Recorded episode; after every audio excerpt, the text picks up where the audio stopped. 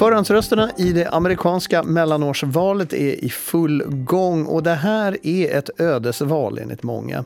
Sällan så har de två dominerande partierna, Demokraterna och Republikanerna, befunnit sig så långt från varandra i ett antal brännande frågor som exempelvis abort och invandring och utbildning och klimatet och egentligen själva frågan om vad en demokrati i sig är och om man ska acceptera ett valresultat eller inte.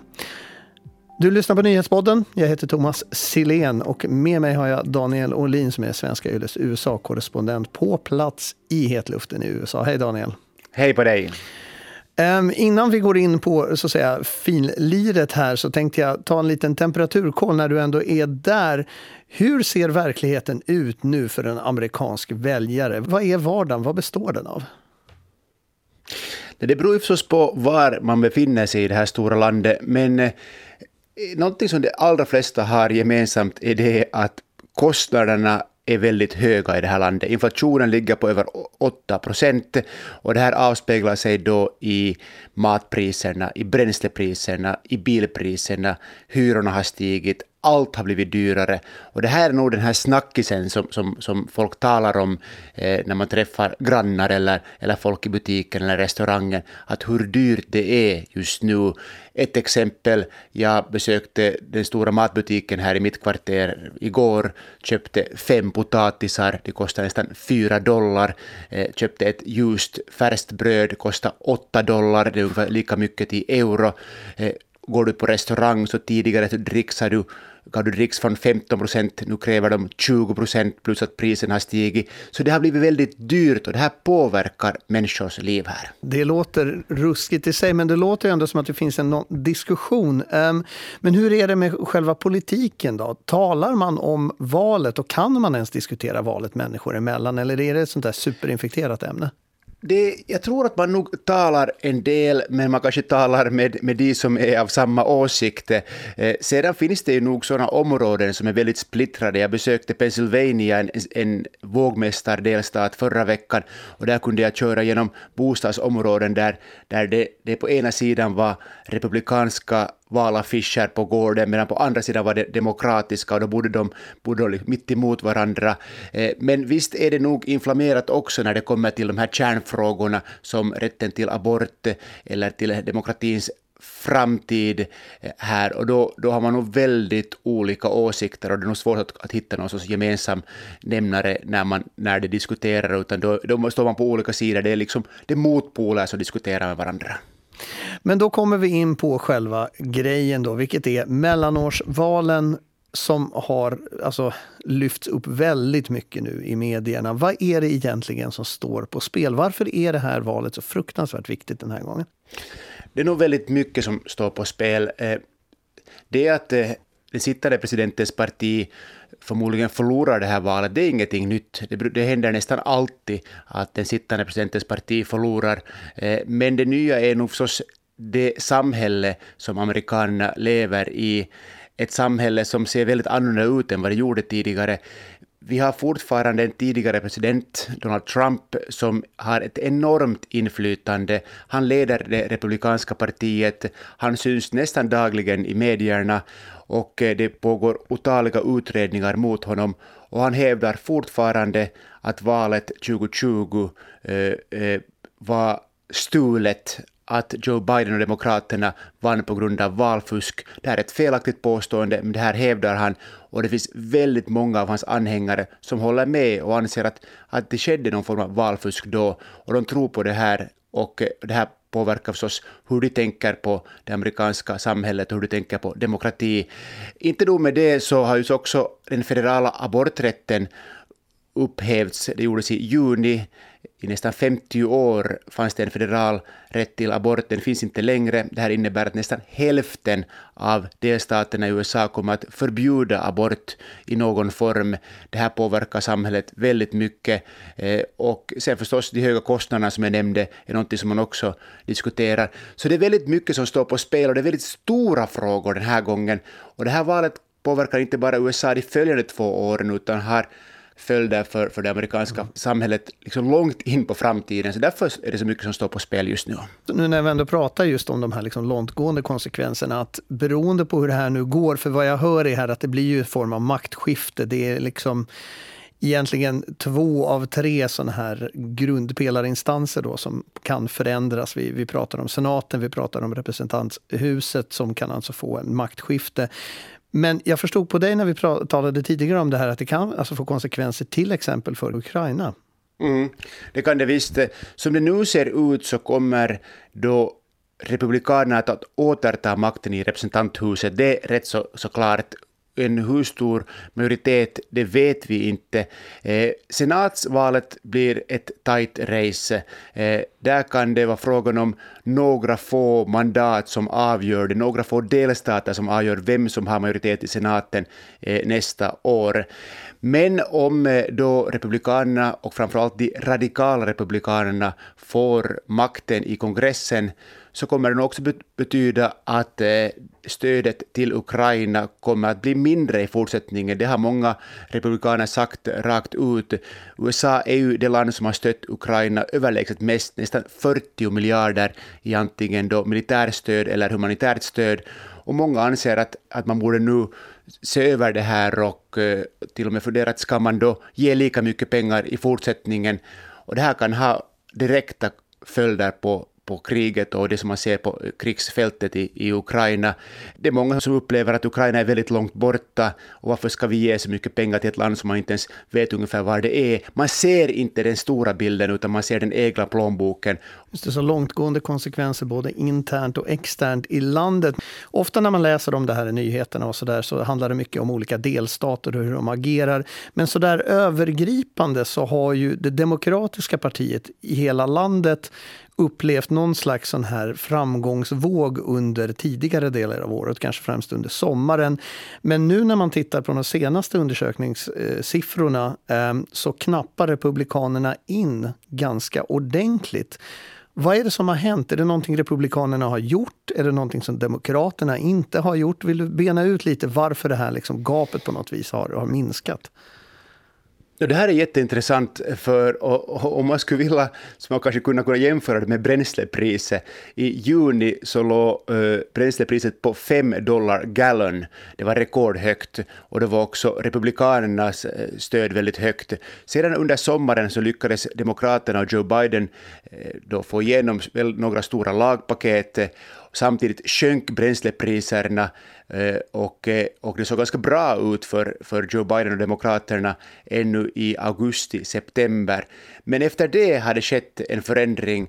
Bränslepriserna har kommit upp, eh, kostnaderna, de övriga kostnaderna har inte kommit ner som, som presidenten lovade. Presidenten kan inte påverka de här kostnaderna så väldigt mycket, men det, det, man, någon, man måste hitta en syndabock och då blir det också ofta den som, som sitter i Vita huset som får ta skulden för det här att kostnaderna är så höga. Och så börjar den här pendeln då, då, vända. Och det som som kanske det hela hänger ihop med är inte bara bränslepriserna utan också de frågor som de två partierna har lyft fram. Republikanerna talar mest om att bekämpa brottslighet och de talar om ekonomi, ekonomi och ekonomi. Demokraterna har lyft fram hotet mot demokratin och rätten till abort. Man har bland annat eh, försökt locka eh, de unga väljarna, eh, de som normalt sett inte röstar, att de nu skulle rösta i det här valet för att då eh, trygga rätten till abort. Eh, man har också försökt nå ut till de som man kallar för förortskvinnor, de som bor i förorten till de stora städerna, som kanske normalt sett inte röstar eller som pendlar mellan de två partierna och då försöker man säga att hej, det här är en så viktig fråga, nu bör du rösta. Det här såg ut att vara en, en, en vinnande valstrategi ännu i somras, men nu verkar det som att det kanske ändå inte kommer att ge så många röster som Demokraterna hade hoppats på, utan att ekonomin kommer att väga tyngre. Och att det kanske till syvende och sist ändå handlar om den egna plånboken. Och det intressanta i det här sammanhanget är att det är just de osäkra väljarna som nu enligt de senaste opinionsmätningarna säger att de anser att ekonomin är en större valfråga än rätten till abort, eller hotet mot demokratin, därför att de helt enkelt har inte råd att köpa den maten de ändå kunde göra för ett år sedan. De har inte råd att fylla upp bilen, de har inte råd att åka på semester. livet är lokalt för många också här i USA och, och därför så sker det nu en, en förskjutning. Och det ser man också i till exempel Joe Bidens framträdande på sistone. Han har talat väldigt mycket om ekonomi. Också Demokraterna har börjat lyfta eh, fram det här på olika nivåer i allt högre utsträckning än vad man gjorde ännu i somras. En viktig komponent i just det där du nämnde, det här med just hotet mot demokratin som Demokraterna oroar sig för, är ju Donald Trump och Donalds, så att säga, Trumps anhängare framför allt. Trump som du nämnde har ju varit involverad i en eh, massa problem. Man håller på att utreda hans roll i hela den här 6 januari 2021 eh, upploppet ska man väl säga som en del kallar försök till statskupp. Eh, men han verkar ändå figurera så där trots att han inte egentligen sitter vid makten på något vis. Är Donald Trump en börda eller är han en tillgång för Republikanerna i det här läget tror du? Jag tror att han är lite både och. Han har ett väldigt stort inflytande och många upplever nog honom som den stora ledare och att hans presidentperiod var väldigt fantastisk. Han lyckades eh, få ekonomin i skick och man upplevde att han gjorde de saker som man ville att han skulle göra, eh, framförallt då för amerikanerna och de som röstar på honom. Jag talade förra veckan med en hängiven Trump-supporter. Han sa att han eh, inte är helt säker på ifall han röstar på Trump i presidentvalet 2024 då ifall Trump ställer upp, eller om han röstar på någon annan, som till exempel Ron DeSantis, guvernör i Florida, som beskrivs som den personen som kan ta upp kampen med eh, Donald Trump. Han, är, han beskrivs också som Donald Trump, men med hjärna. Så jag tror att, att, för att svara på din fråga, så spelar det inte så stor roll för att eh, om han är en börda eller en tillgång, för det som Donald Trump har gjort, både i Vita huset och efter det, så det avspeglar sig fortfarande och han har sitt ett stort stöd, eller hans tankar har ett stort stöd. Och om inte han ställer upp, eller ifall hans kärna då falnar, så finns det alltid någon annan som stiger in istället för honom, som har ganska liknande åsikter och liknande politik som han, som kan föra det här budskapet vidare och då hålla kvar dessa väljare som är beredda att, eh, att rösta på en person som är Donald Trump eller någon annan som helt enkelt inte tror på att eh, Joe Biden vann valet mm. och inte tror på den amerikanska demokratins eh, framtid utan vill forma sin egen demokrati, eller vad man nu ska kalla det. Det här lögnen om det stulna presidentvalet. Hur påverkar det här valet nu? Vad har den för betydelse? Det har nog en jättestor betydelse. Eh, det finns alltså miljontals väljare som tror på den här lögnen. Eh, det finns nästan 300 kandidater som tror på det här, som är uppställda i det här valet. Och det finns väldigt många av dem som kan få betydande poster, antingen då i kongressen, i representanthuset eller i senaten, eller då i olika delstater som delstatsguvernör som har en väldigt stor makt i, i en delstat, lite som delstatens president, eh, eller sen som delstatssekreterare. Och, och om en en så kallad MAGA-republikan, en av de här radikala republikanerna, blir till exempel delstatssekreterare, så kan den här personen då i presidentvalet 2024 fatta ett sådant beslut att, att den här personen då inte fastställer valresultatet eh, utan, utan hittar på något annat. Och det här kan betyda att eh, en person kan omkullkasta ett demokratiskt valresultat eh, så det här har liksom långtgående följder för det här samhället, att dessa personer kan få betydande poster i den amerikanska politiken. Mm, och det här då i kombination med någonting som ändå har pågått innan Donald Trump. Man kan liksom inte lasta honom för allting. Utan vad jag har förstått så har eh, Republikanerna, och det här har rapporterats om i många år men ingen har kanske riktigt fokuserat så mycket på det förrän nu. Eh, det handlar om att Republikanerna i bakgrunden egentligen har bäddat för det här valet ganska långt innan genom sådana saker som att rita om valdistrikt och, och underminera olika instanser som på något sätt ska övervaka det här valprocessens oberoende. Märker man av det här någonstans eh, nu och hur i så fall? Det handlar väldigt mycket om att rita om till exempel då valdistrikt så att eh, den republikanska kandidaten kan ta hem segern i det nya distriktet. Det kan handla om att det finns ett distrikt som består av svarta väljare som röstar eh, allt som oftast på en demokratisk kandidat, men då om man ritar om det distriktet så att de svarta väljarna blir en del av den vita majoriteten som bor alldeles intill, så kommer den republikanska kandidaten att få de flesta rösterna.